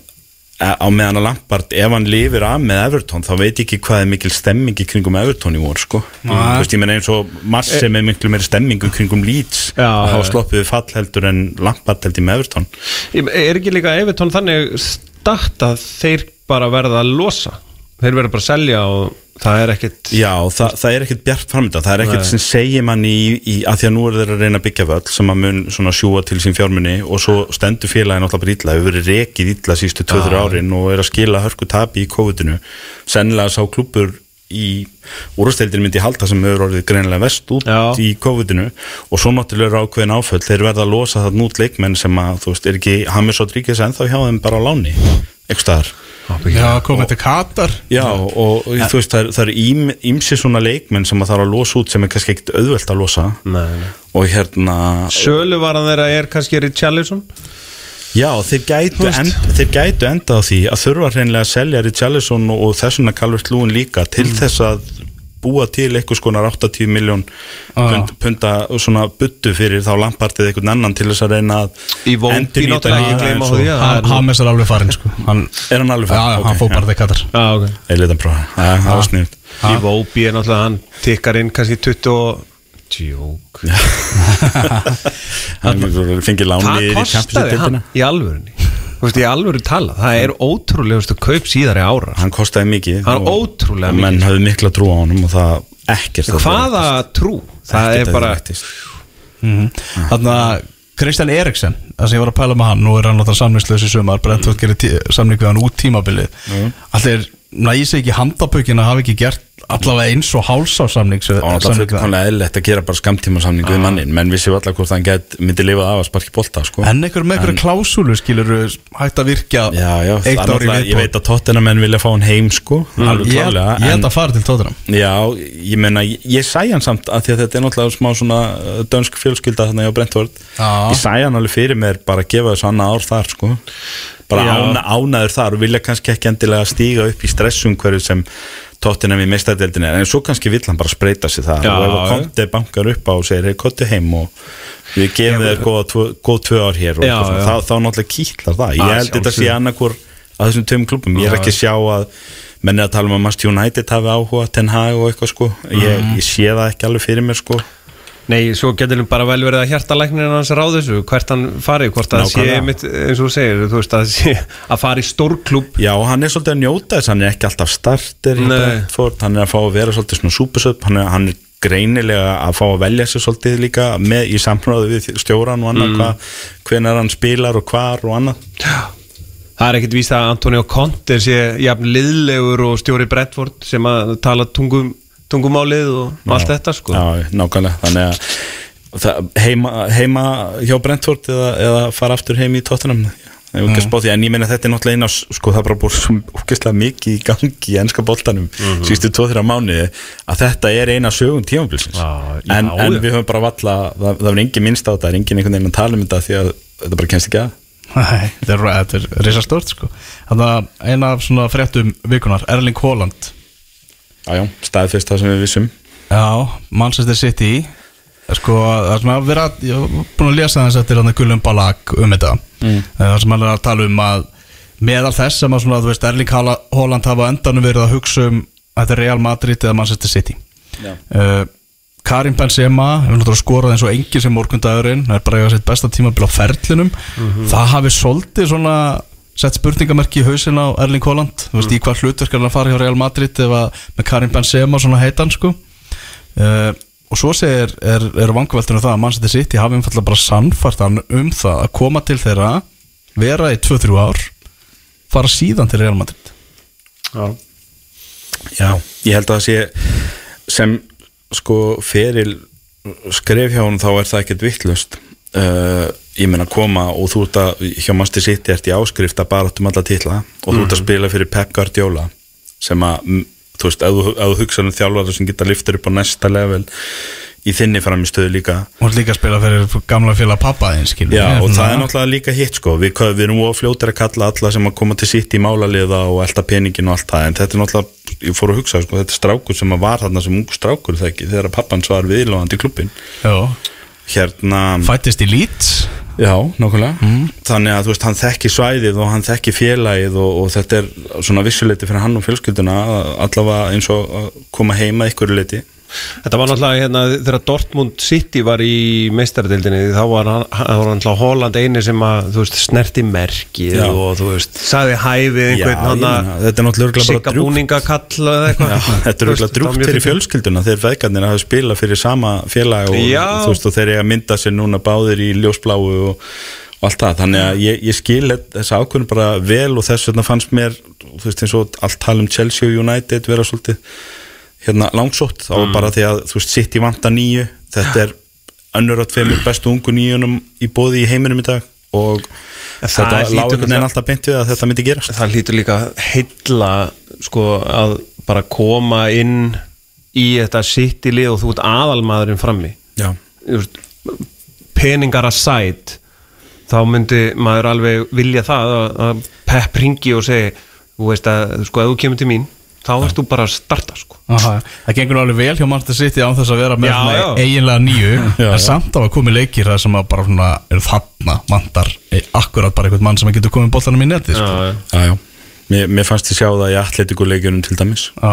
þeir, þeir hefði átt að slúta því einvi fyrir og hraðar en gerðist en þeir bara einhvern veginn, það vantar smá svona firepower í þessum jöfnuleikjum og svo fannst mér ég sjá það í, í báðum liðupúleikjunum þeir gerir jafntöfli deildinni, skoru náttúrulega tvö þar og tvö í byggarnum en, en þú veist, þetta eru samt sko maður hugsa með sér hvort þeir væru á öðrum stað þar hvort þeir hefðu klárað deildina á heimaðalli þar og jafnvel Leopold byggarnum eða þeir hefðu haft uh, þú veist, Mo Salah eða Diego Jota frammi hjá sér en ekki hitlið Búið er að fluta til leiksloka á, á Emirates-vellinum þar sem Arsenal vann Manchester United 3-1 Manchester United með náttúrulega þetta stóra tap á móti Liverpool núna í, í vikunni síðan kemur tap hérna á móti Arsenal uh, þar sem Arsenal vann bara sannfærandi og sanngjarnar sigur þetta hleyftu sæðis upp í spennu þarna. Já, þetta var spennandi svona fyrir hluta setnáleiks ah. Óþarlega spennandi, mér fannst Arsenal bara hleypaði minni leikin Ah. United voru bara dauðir. Uh, Ronaldo náttúrulega næra að klóra strax í bakkan og það kannski kemur svona hík á Arsenal fyrir viki það er svona sljákkar aðeins í fagnalátunum á pöllunum að vera konni í 2-0 að fá eitt strax í andliti og kemur kannski eitthvað smá óryggi í liðið í kjölfari, stundu fara mann að detti að fara að halda fórustunni í staðin fyrir að spila bara leikin sem hafa fært þeim yfirburði á vellinum. Og það var alltaf mikið í gangi í þessum leikar að rífast um ímis ímsar dómarákvarðanir og, Já. og annað. Það, það, þannig að eh, hérna, United er eitthvað leiti kannski vorkun í þessum leik en, en, en á endanum bara samfærandi tap. Og þessi vika er náttúrulega bara búin að styrkja það sem við vissum nú þegar. United á ekkert erindi mistardildin eins og staðan er í dag. Nei.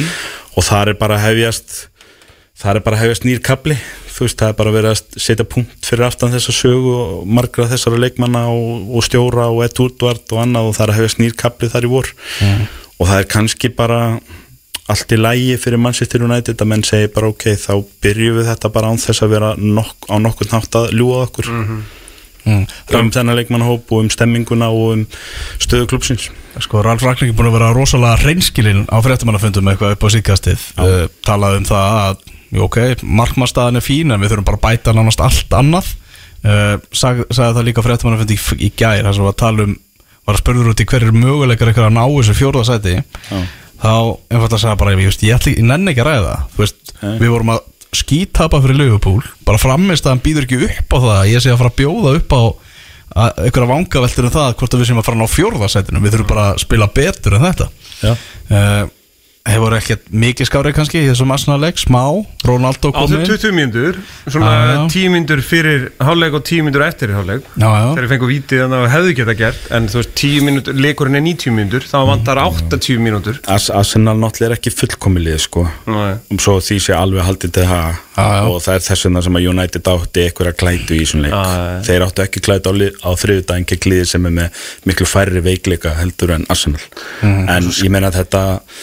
þetta þetta sýnir bara stöðun á United fyrst og fremst, Arsenal eru í slag við Tottenham um fjórasætið United eru núna 60 um og, og, og eftir og með leik meira og bara 5 leikir eftir, þeir ná þess ekkert úr þessu þannig að nú geta menn bara ég, ég myndir hreinlega bara draga línu sandin eftir daginn dag sko, ég, ef ég ragnik og það er engin framtíði sér á mér nema bara sem ráðgjafi fyrir Ten Hag og eitthvað. Ég myndi til dæmis ekki láta neitt leikmann sem er á lausunsanningi sumar spila mínútu það sem eftir er á tímabilinu. Mm. Pól er náttúrulega mittu þannig að það er ekki að taka neina ákvörðun um það Matic, Lingard er ekki Phil Jones og er bæi eitthvað líka dett út á samningum ég, hérna, ég myndi bara segja að veist, þeir sem við þurfum að reyna að selja með að kannski fá smá söluglugga Mhm. ef það er eitthvað sem við viljum koma út gefðu Vambi Saka eitthvað leiki vonað hann sé góður í tvo og, eitthvað ákveð að taka sens á honum því að það er söluvara alltaf að selja enska mannin svona innan Englands mögulega og eitthvað svona sko. En ég myndi bara, ég myndi bara draga línu samtinn og segja bara hér lauk þessu tímabli og morgun er nýr dagur. Þannig að Erik Ten Hag tekur við þessu í sumar. Allir er að segja það bara hver einn og einasti sérfræðingur á núti að þetta muni taka nokkur ár. Þetta verður bara nokkur ára prógrama fyrir hann að endurbyggja liðið. Það séu rosalega fáir í þessum leikmannópi núna sem bara geti spila fótból það sem hann vilji gera, hann þurfa að fá nokkura glugga til þess það verður te verður teknar svona já, sásökafullar ákvörðanir hann þarf að henda mönnum í burtu sem eru bara stórn öfnaða því að þeir get ekki spila fyrir hann. En stóra spurningin er eiginlega bara þú veist, stuðnismenn, Manchester United klúbirinn og allt þannig. Horfir bara á næsta tímabil og hugsa bara við ætlum að vinna titilin þá bara þá. Já, er sama, hversu, sama hversu óraunhæft það er. Er, er klúbburinn, eru stuðnismenn tilbúnir í eitthvað uppbygging Sko, ég sá mymband í vikunni þar sem að Rannik var að veita einhandrarútan, þetta var eitthvað svona sem ég sá á Twitter held ég. Og stutt mymband og það er eitthvað stuðnismæður sem heldur á símanum og er að horfa á hann gefa krökkum einhandrarútanir, hvort þetta var fyrir, eftir leifupleikin eða um daginn eða eitthvað, ég veit ekki. Veit ekki hvernig þetta var. Og Rannik er að veita áritanir og þessi stuðnismæður spyr hann og hann segir svona við hann hérna Mr. Rannik three names. Three names og svo nefnir hann hérna uh, Declan Rice, Paulo Dybala og uh, uh, eitthvað þriðja mann, já hérna hann Jude Bellingham hjá, hjá Dortmund. Ah. og bara, can you sign them please? Og Rannik svona glottir hans út í hann lítur aldrei upp á mannin og er að bara veita áritanir fyrir krakkana sko og svo er myndbandi búið. Og ég horfði á þetta í hugsa með veist það, þetta kristallar hvað er að þessum klubbi þetta kristallar það, er ekki einu sinni nöfnir þetta eru þrý flábæri leikmenn öllið væri betri að fá Declan Rice og Paulo Dybala og, og Jude Bellingham í sitt lið, það er nánast öll lið. En þetta er vandamáli við United. Það er það að menn er ekki að horfa á hvernig liðið spilar og segja að það vantar stefnu. Þú veist það er að segja of mikið af stuðnismönnunum eru að horfa á þetta og segja þetta væri miklu betra ef við værum bara með Declan Rice. Þetta væri miklu betra ef við værum bara með leikmann X. Hver sem það er og það er ekki það sem, það sem þarf að gerast í sumar. Það sem þarf að byrja á að gerast er að Ten Hag mætir á svæðið og hann segir ég ætla að spila svona fótbolta. Svo fer hann í greiningu á núverandi leikmannhóp og hann segir kannski þessi fan favorite leikmaður passar ekki inn í það sem ég er að fara að gera. Og það er sama hvað hann heitir. Það getur verið að Cavani passi og ekki Ronaldo. Það getur verið að Ronaldo passi og ekki Cavani. Það getur verið að Sancho passi ekki heldur Rashford. Það getur verið að Bruno passi ekki þú veist, hann er að fara að greina hvernig fótbolta ætla ég að láta þetta Manchester United lið spila og svo ætlum við að kaupa inn leikmenn sem passa í það kerfi. Og því getið ekki ætlað enn eitt árið að vera það lið sem að hendir í 100 miljón punta kaupin og segið ok, nú ætlum við að berast um titilin að því að við erum konum með leikmann X. Hann er rosalega frægur, hann er rosalega góður og hann kostaði rosalega mikið, nú verðum við góðir. Og ef að það er einhver United stuðnismæra núti sem er ennþá að hugsa svona að þá veit ég ekki hvað ég get gert eða sagt við þann mann til þess að snún það, það, menn hljóta að vera búin að læra á síðust árum að sjá, sko, að því að þetta er einhver súpestjörnu til dæmis sem að City er að kaupa hjá sér, þeir kaupa leikminn í kerfið. Og svo verða þeir súpestjörnur að því að þeir eru alltaf að berast um titla fyrir Master City. Sjáðu Liverpool. Og Liverpool. Þú, sk- það skal enginn segja mér að Jadon Sancho sé tvöfalt betri leikmaður heldur en Luis Díaz en Guðminn Almáttur annar þeirra passar inn í kerfi sem hann í og hinn ekki. Það er staðan. Nákvæmlega. Það er staðan, þú kaupir leikmenn sem passa inn í kerfi, þú kaupir ekki leikmann að því hann er frægur og góður og segir svo ja, hvernig ætlum við að spila fyrir hann? Og það er það sem að United menn skilja ennþá ekki með Cristiano Ronaldo og við erum búin að, við hinn sem að sitjum núna í fílabinsturninum og erum að horfa okkar í Liverpool City menn, það er náttúrulega aðalega Liverpool menn á Íslandi af því að það eru bara til nokkri City menn eh, af ákveðinni kynnslóð, við skulum halda því til að það er sko að koma upp kynnslóð af City-mönnum sem að verður fullorðin eftir nokkur ár og hefur vita hópulta þannig að ég ætla ekki að fara að tala eins og það sé ekki bara eins og það sé ekki City-stundismenn á Íslandi. En, en af, af minni kynnslóð þá er ekki margir City-stundismenn, það er bara þannig. En sko það sem að gerist með Cristiano Ronaldo er Ole Gunnar Solskjær var í 2,5 ár búin að byggja United upp að spila ákveðin fótbolta og svo keiftur Cristiano Ronaldo og allt í hennu þurfti lið að spila allt öðruvísi fótbolta til þess að hemta Cristiano Ronaldo og það hemtaði engum öðrum. Og það er ekki tilviljun að Bruno Fernandes, Marcus Rashford og hvað er þetta, Anthony Martial og Edison Cavani, þeir eru allir búin að eiga sitt lélegasta tímabil fyrir Manchester United á sama tíma og Cristiano Ronaldo er þriði markaðasti leikmaðurinn í Og liðið Þetta er- getur, þetta er- Þetta er sko. skólabóka dæmi um hvað er að hjá Manchester United. Þeir sóttu leikmannin og þeir fóru að spila upp á hann og hann er búin að vera góður en liðið er ekki búið að vera gott. Og þeir get ekki að gera þetta aftur í sumar, þeir get ekki, er meira sér þó svo hann heiti Mbappe þeir geta ekki ætlað að horfa á sumar og segja þetta verður allt í lagi ef við bara fáum Kylian Mbappe eða ef við kaupum hérna Darwin Núñez og Jude Bellingham eða Paulo Dybala, eða hvað er heita sem eru fáinlega þeir verða að greina og setja upp hvernig ætlum við að spila. Ten Hag verður að fá frið og tíma til að segja við ætlum að spila þetta svona. Ég ætla jafnvel að sækja tvo stráka frá Ajax sem kunna á kerfið mitt til þess að hjálpa mér að innleiða þetta.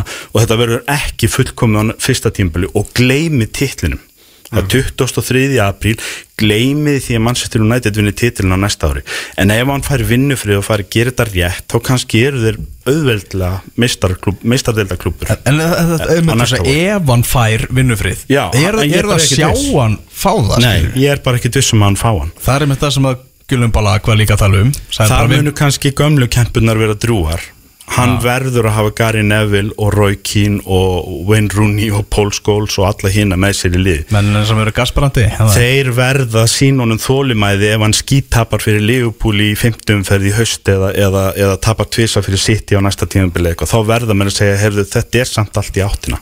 Já. og minna menn á muniði hvernig Liverpool leikirnir á tímabilinu 21-22 voru.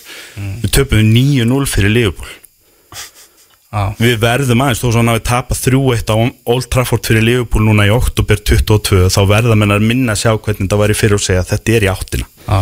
það En- er það sem þarf að gerast en ég það, það, er það, ekkert það, viss það, það sem að Gulum Bala var að tala um þú veist, það sagði bara við vitum að þetta enda með því að Ten Hag verður kent um allt og menn bara, ha, þetta verður eitthvað snillingur eða? Já. la, la, Svo, la. það er náttúrulega það sem að skiptir náttúrulega held ég bara öllu máli er að hann fá að gera þetta að sínu einhvers konar því að ég meina það er búið að prófa þennan það er búið að prófa hinsnillingin Allir eru þeir trúðar og alveg. Já, þetta er ekkert allt trúðar. Nei, ég held ekki, Ég held bara Móri sé bara. Solskjær- Kannski var Solskjær bara fýtt Því að Ragník er ekkert að gera betur með hennan hóp. Nei, og þú veist, þetta er og, Solskjær gerði er ekkert betur heldur en Mourinho. Mourinho gerði ekkert betur heldur en Van Gaal og Van Gaal gerði ekkert betur heldur en Moyes. En eitthvað er það sem að er sko í infrastruktúr félagsins sem að er bara svo rámt og Já, svo er lélegt þetta, og svo það er það að menn svo- vilja alltaf stitta sér leið upp á toppin aftur. Já, og vilja fá þá sem eru með flesta Instagram ætla að gera- followers þeir ætla að- já, liði, sko. þeir ætla að gera þetta rétt þá mun það líka taka meiri neitt glugga. Þannig að við erum átt okkur því að raunveruleikin er sá að Ten Hag er alltaf að fara að spila með nokkra kringlóta kuppa í kassahólur Já, í haust. Hann er alltaf að fara að byrja tímabil með eitthvað svona Maguire eða Van Bissaka eða McTominay eða eitthvað sem hendar ekki endilega í hans kerfi og er svona smá sting, svona skersúr eins og, eins og hundasúr á, á grasbletti sko. Og menn verða að þóla það í 2-3 ár sko. Klopp þegar hann byrjaði með Liverpool hann gerði þetta ekkert alltaf á einni stundu, hann var ennþá að spila með Alberto Moreno sem skildi ekki kerfið í vinstri bakverði og hann var ennþá að spila með Dejan Lovren sem að vor og, og Loris Karius komandan, þú veist, þetta var ekkert fullkomið fyrst hjá Liverpool, þetta tók tíma áður en að menn voru bara svona kerfisbundi búið að plugga í allar hólur og báturinn var hættur að leka. Og allt í einu mættu Van Dijk á sæðu og svo um vorið Alisson og við sögum bara, herru wow, það, það er bara engi veikleikar í Liverpool, en það tók þrjú ár United geta það- ekkert ætla að kaupa tvo og ætla að stýtta Já. sér leiði að plugga allar hólunar í bátnum í haust. Það, bara var líka, það var náttúrulega líka eins og með Leopold og þannig meina þeir, þeir bara allt í er þeir komni með sko sturlaða front 3 svo kaupaði Van Dijk og klúra meistaradildinni og það er bara Alisson er mættur kortir í síðar sko. Já, en, það, að já, en það tók líka tíma Hann erfir fyrir mínu þegar hann kemur Já. Og fyrsta sömrinu sínu sækir hann manni Og öðru sömrinu sínu sækir hann Sala Mm. Og það er mér sér frækt að Sala var ekki sá sem Klopp vildi Klopp vildi sækja Ju- Julian Draxler En Draxler valdi Paris. Frá Dortmund valdi Paris hérna fram yfir Já. Og þá var analistadeildin sem voru búin að rýna í tölfæðina að segja hann við þurfum að skoða Sala. Og hann skoðaði Sala með þeim og samtíkt til Sala og það resti sýstur eins og að segja en það tók tvö sömur sömur ef þú horfur United núna og segir þetta er ekki, þetta er ekki þrenna sem er að vinna saman og, og, og, og, og til eftirbreytn og annað slíkt þú klárar það ekkert allt í sumar. Nei, ég held sko hann þú veist, kannski ef er maður við pælir í Jadon því- Sancho þarf tvö sömur til að sækja hín og tvo þrjá sem að Já, ef maður pælir í því sko, það eru bara það er ábyggilega átján leikmenn að fara frá United sko. veist, er það ekki? En ekkert á einu bretti ég Já, það- það er munun er líka hægt. munun er líka annar. Þessi framlýna hjá Liverpool hún var sótt frá sko Hoffenheim Southampton og Roma. Og er þetta komið þarna Wolves var engin 100 miljón punta maður frá París eða Bayern eða Dortmund Svo er liðinu. svo er þetta komið Wolfsmann inn. svo ertu með Wolfsmaður, hann kemur hann inn og svo Ah. sækjur eitt frá Porto. Það, Luis Díaz er í rauninu svona mesta high profile hérna sem sagt, liði sem að við kaupum frá í þessa, svona, þessa fimmu sem er þarna núna. City er bara og svipaðir. Já, ég meina, já, já. Ah, Aguero kom frá Atletico Madrid það er fyrir tíma Guardiola og hann erfir hann svolítið. Uh, restina er þeir að sækja þú veist, Maris kemur jú, jú frá einasmisturum Lester, Já. þar er verið að kaupa stert innan, innan deildar. Uh, hérna uh, jú, Stenling kom frá Liverpool ok, en ég meina þeir eru kannski á öðrum hérna Já. fjárháslega á öðrum hlutum þú veist að gáttu gert þetta aðeins öðru en þeir eru samt snjallir, þeir eru aldrei að eldast við þú veist, eitthvað, hérna Lewandowski eða eitthvað á þeim tímpúndi, þeir eru að kaupa í kerfið alveg frá því bara mætir Mér finnst líka bara eins og með Liverpool og svona Ég meina, þeir, þeir sækja hana Það er einhver Það er einhver vinna bak við tjöldin sem segir Strákar, no joke, við getum fjölgað eh, mörgum úr innköstum um kannski fimm á tímumbilinu Já.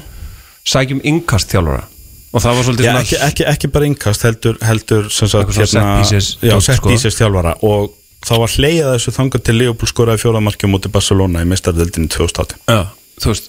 Eftir það hefur engin hleyjað þessu. Nei, og, það er ábyggilega við vitum ekki af þessum sérfræðingum sko, sem hinn liðin er að ná í. Mhm. en mér varst þetta svona já, hei, þetta er cool, þetta er sniður þannig var bara Gaur sem var í vinnu hjá Leopold sem var búinn að greina það. Herru, það slökna stundum á Barcelona í hotspinnum já. þeir taka sér tíma í að gera sér klára í hotspinnur og þetta ómaði eins og symfónihljónsitt í hausnum á Trent Alexander Arnold þegar hann sá að Origi stóð einnin á teiknum og tók snögga hotspinnu og Leopold konni úslit mestarlega oh, það var svo geggjað moment. Þú veist, Ég fekk dæm, ég fekk hérna Instagram fæslu, eh, hvað er þetta, Reels heitir það ekki? Þú veist, hérna, one moment in history þegar að, hérna, Dembele klúrar á móti Liverpool. Já. og Messi svona nei! Af því að Messi veit he knows, sko, og síðan Messi kemur svona vissi. hvað gerðist, sko? Messi Bara vissi bæði við- hvað er átt eftir. Hann hafði komið á Anfield áður. Já. Hann var eini leikmann í þýlið fyrir utan alltaf Luis Suárez Coutinho sem hafði komið á Anfield áður. Mhm. Hann vissi að þetta var ekkert búið. 3-0, þetta er ekki búið. Akkur nýttir þið ekki þetta Ah. færi drengur Baráttanum, baráttanum fjórðasettið. Er þetta bara Arsenal tóttina? Já, úr þessu. Ég, Þú veist, Vestam er mér sem seldur inn United en Vestam er ekkert að fara að blanda sig í þetta. Þetta er bara Arsenal Tottenham. Og hérna Arsenal eru allt í hennu búnir með Chelsea og United. Ég, ég man nú ekki hvað þeir eiga eftir en hvort þeir eiga á stórleik eftir. Allt í hennu lítur þetta sæmil út hjá þeim. Ég held að Tottenham er eftir að koma á Anfield eins og þar þannig að við kannski gerum gerum Arsenal greiða áður en yfir líkur Liverpoolmenn. En United eru búinni sko og þetta verður bara bara átt aðna milli.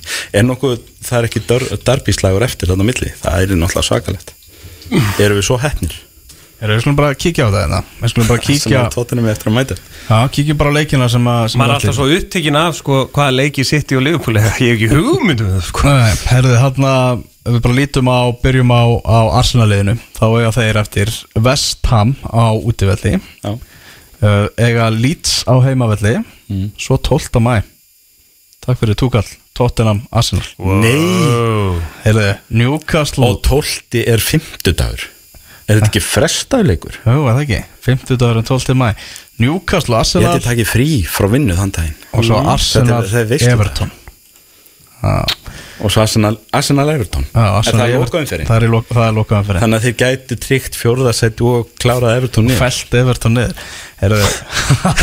Það, er, það er þið nú eitthvað maður. Herðu, Tottenham á, á Brentford í, í dag. Síðan eiga þeir Leicester. Liverpool Tottenham Já, á Anfield. Uh, svo er það sem leikur náttúrulega Tottenham Arsenal Tottenham Burnley og Norwich Tottenham. Þetta er náttúrulega þannig sé ég þú, veist, þú ert að spila við Everton og Burnley og svona sem að er að berjast til lífi sínu. Já. Þetta er, það er engir auðvöldi leikir þannig séð á þessum tímapunkti nema kannski bara lið sem eru klálega farin í sumafrí í síðustu tveimur umfyrinum mm -hmm. Forskoti sem Arsenal hefur er að Tottenham á eftir að koma ánfílt og það er svona líkur á að þeir tapir stíðum þar. Jafntefli tap uh, ég er mjög heissaður vinna þann leik. Uh, Forskoti sem Tottenham hefur eins og það er að þeir eru heimaleikin en það ekki að múti Arsenal? Þannig að þetta er bara baróta, þannig er bara búið að stilla upp einvigi sem er eiginlega ekki að því að þetta eru líka Arsenal Tottenham þá er þetta einhvern veginn ekki, ekki síður spennandi einvigi heldur en kannski Liverpool City. Fyrir svona hlutlaus aðdándan ég, ef ég var hlutlaus þá myndi ég fylgjast með öllum leikjum með Arsenal Tottenham fram á órið Já, það er alveg hrein algjörlega hann að Mikkel Arteta er með plan A og hann með plan B. Hann er búin að teikna upp alveg, alveg tvö plön greinilega hvernig hann vil sjá þetta eftir því hvort að liði komist í mestaradeildina eða ekki. Mhm. eins og að segja þetta með Lacazette bara við ætlum að ræða við hann eftir tímabilið. Já, bara ætlum ekki viðræða við hann strax við ætlum að sjá hvar við endum, hvar verðum við og hvernig prógramið verður á, á næsta tímabili. Það flýtir náttúrulega rosalega fyrir öllum áallunum hans ef að Arsenal vinnur kemst í þetta mestartildasæti er það ekki bara ótrúlega verðmætt fyrir Arsenal að ná því? Á þessum tímapunkti þá þarf það ekki að vera fallegt það þarf bara að hafast. Já. Þeir eru ekki Evrópi ár þannig að ef þeir náði ekki þá er það Evrópudildin á næsta ári. Og þá þarftu kortið er að bæta við breytina frá því sem er í ár. Þannig að þú þarft að hafa manni eins og lagasett þó svo hann sé ekkit endilega starterinn á næsta ári. En það er ekkit víst að þú getur haft hann ef þú ert ekki mistardild þú getur bóð honum launapakkan og hann hreinlega hafi áhuga á því ef honum býðist samningur hjá mistardeldaklubbi í sumar. Honum hérna, það, það er alltaf komir jafn mikið óvart til að laga sett gerir eitthvað á loka mínútum og eitthvað hvaðan er mikil peppkall gagvart Arsenal. Já. svo fer hann alltaf í viðtöld daginn eftir eða eitthvað og segir, ó ég elska Líón mér langar gæðu þetta heim til Líón ég farin að tala, ég farin að tala við fullt af félögum. En er hann, hann gerir allt rétt innan vallar. Hann en hann þetta er mjög hól- hann skrítið virðist geta hólfa þetta þó svo hann sé klálega farin að hugsa um framtíðina sína. Þá Já, virðist hann en- alveg mæti vinnuna sína ennþá. Ég, algjörlega og ég bara hérna ber alveg svona, ég veit ekki hvort maður er að bera virðingu fyrir þessu eða svona býtu, þú ég, ég ber alveg lúmska vinningu fyrir þessu. Þetta er bara maður sem er ennþá að gefa allt sem hann á í leiki Ah, já, fyrir Arsenal þó svo að við sjáum að hann er ekki fullkomin við vildum og Arsenal stundum með myndu vilja að hann skoraði meira. Það er ástæða fyrir því að hann fær bandið þarna Já, já, það, Algjörlega. þú veist, hann virðist vera vinsætt í klefanum, hann virðist vera svona einhver, einhver skona fyrirmyndum fagmennsku innan, innan hann sé hópsins og allt þetta virðist atvinnu. virðingu fyrir því sem hann er að gera á enga sæðin og annað, að vera að velja hann í lið og annað þó svo þetta séu aðstæðunar Mhm. og hérna þetta er ekkert alltaf sem við sjáum þetta en, en þetta virðist bara vera fagmennska fram í fingungum Þetta er bara atvinnumæður. Og þá er náttúrulega líka auðvelt að segja hefðu, ef við komumst til mérstæðlitina þá viljum við alveg fá eitt og ári viðbútt frá þessum gæði þó svo við ætlum að koma og sækja alvöru nýju og svona í sumar þá viljum við alveg hafa hann Já, já, því að Arsenal þarf fleiri en eina nýju sko. Já, já, en svo getur vel verið að hann bara hreinlega vilja ekki eins og þið segja, getur vel verið að honum bjóðust eitthvað mistættildaklubur, hva, hvar sem það er. Og, og vilja bara fara hann mm. Er það Chelsea ennþá í ferli? Við býðum bara eftir fréttum af því hvort að Lewis Hamilton sem nýra eigandi. Vrúm, vrúm Það er svolítið erfitt að ræða á, þetta er svolítið að fjara út þetta tíðanbíl hjá þeim, þeir hafa náttúrulega svolítið leikin til að hlakka til fyrir Leopold, það mun svona halda deildin í gangundi því að þeir eru í einskinsmannslandi í deildinni, þeir, það er enginn frá að ná þeim í þriðasætinu og þeir eru ekki að komast upp í annarsæti þannig að þar eru menn í rauninni bara fimm leikja firma programmi núna til að halda sér klárum í byggarleikin Þrýr tapleikir í röð á Stamford Bridge í fyrsta Já. sinns að það gerist síðan eitthvað 92 eða eitthvað. Já, það er bara- mjög sögulegt þarna. United voru að tapa fjóruða útileiknu sínum í hérna og það er ekki gest bara síðan fyrir stríðið eitthvað sko Já, ég meina, var það ekki bara Stamford Bridge í byggingu eða eitthvað? Ekki eftir þannig early days þannig að Premier League, þá var alltaf að stúkan hann þeir eru að vera á Loftus Road Já. þetta gerði síðast. Alveg. Já, mitt Herðu, titil baratan, titil slagurinn þessi tvö frábæru lið sem er að að batla hana hvernig hvernig sér þetta? engin titil bara þetta, bara eitt leikur í einu eins og Klopp segir. Já, en ég meina er eitthvað þú veist. Viljum ekki heyra minnst af þess að dollur. Það er ekki þarna, við erum bara að spila fótbolta og eitt leikur í einu. Já, sitt ég á, e- á Watford núna eftir nokkrar mínútur. Liverpool er náttúrulega Everton á morgun bæði lið er að fara að vinna þetta með svona þryggja marka mun. Sko, hérna það segir eiginlega sitt hvar Leopold menn eru að hérna að, að ég sá á Twitter í vikun það var eitt sem hafi sett inn svona mynd af 2018-19 tímanbylunu og skrifað undir Hello Darkness, my old friend. Það er þetta kaninu hoppa á milli City og Leopold, það nennir þessu eiginlega engin en á Jó, sama tíma á sama tíma þá er þetta það sem þú verður að gera til þess að keppa við City en titilin þú getur ekki alltaf náði í 20 steg fórskut eins og þegar Leopold hann deildina sko. Og hérna en það hefur það gæst í rauninni síðustu tvö ár. Síðan það gerðist að það var það gæst að fyrst voru sitt í vandræðum og Leopold rústuð deildin og svo voru Leopold í vandræðum og sitt í rústuð deildinni. Og nú hvorugt er í vandræðum og þá er bara kaninu hopp upp í 90 pluss stígin og Guardiola var ekkert að grínast með það í vikunni þegar hann sagði ef við gerum eitt jæftöfli þá vinna Leopold deildina. Þannig að við getum ekki gert jæftöfli og Klopp og hans menn er að hugsa alveg eins það er bara við getum ekki tapa stígin einstæðar en bæði lið eru náttúrulega líka á leiðin í undanúslit í mistæðdeldinni á Spáni gegn hörku mótherjum Nei, þið vinnið það kannski svona 9-0 eða eitthvað. 4-0 úti og Ég- 5-0 heima. Það verður erfitt fyrir sitt í Það var erfitt fyrir sitt, ég, ég, ég kvitt alveg undir það þeir sko. voru að slá bæinn munn sín út og Unai Emery er herra Evrópa þannig að ég bara ég, ég frábið mér allt Ég vannmatt slust ekki á þetta Í sko. tveggja leik- tveggja leikja einvið þá er, þá er Leopold að fara að lokka það í leik Já, og sko, svo fyrirleikur Namfield við þurfum eiginlega bara að vera nokkuð góðir þar sko. Eh, við erum Benni, Er þetta- er, Ég held að þetta væri úti heima. Já, ok, þetta er heima úti þetta er heima úti fyrirleikur Ah, Namfield Ok. Ég ætla samt að segja 5-0 á Anfield og þá þrjú, ég lækka, ég lækka mig um eitt. Ég ætla að vona að hefur rétt fyrir þér en, en sko það, svo er það líka annað. Mér finnst vera smá þreytumerki á báðum liðum bæði City og Leopold og sérstaklega ef við horfum á byggarleikin fyrir viku hann var ekki upp á marga fiskafóboltin þar síðasta hálftíman þau eru, þetta eru búið að vera stórleikur og stórleik ofan sko og þetta er ekkert grín að vera elda þrennun eða þernuna það er náttúrulega City eiga ennþá sinns á tvennu og eru bara að berjast á öllum vístöðum og Leopold eru svo konir í einum leik meira byggjársleikinu hérna uh, þú veist, þetta er bara bilað álag og það er allt að gerast á fullu gasi og, og ekki það að menn muni hlaupa einhvern vegg og verða allt í nú liðlir í fótbolta fyrsta mæ, það er ekki þannig. En ein léleg framistæða gegn Real eða Villarreal getur kostað þig úrslitalíkin og ein léleg framistæða eitthvað stærri deildinni getur kostað þig titilin þannig að þú veist það er bara staðunum sem við erum á. Menn geta verið fullkomnir í nýju af þeim tíu leikin sem eru eftir og samt mista báðum dollum að því að þeir eru ekki fullkonir í þeim tíunda. Þannig að þetta verður bara æsir spennandi ég meina við erum að horfa á sennilega tvö bestu liði í Európu keppa um deildina, búin að keppa um byggarinn líka og mögulega gætu hist í úslitu mestardildinar þetta er eiginlega hálf sögulegt sko. Já, það var færður til Parísar, eða ekki? hann færður jú frá Úkrænu Já, nei, nei frá Rúsland, hann átti að vera í Pétursborg. Já, og allt í hennu færður til Parísar. Það er allt það er nær fyrir Já. bælinn Já. Já, ég veit að tæknilið Sima Sport þeir, þeir er að fara út á báðaleikina Manchester City Real Madrid á, á þriðudaginn og síðan á Anfield á, miðvikudaginn.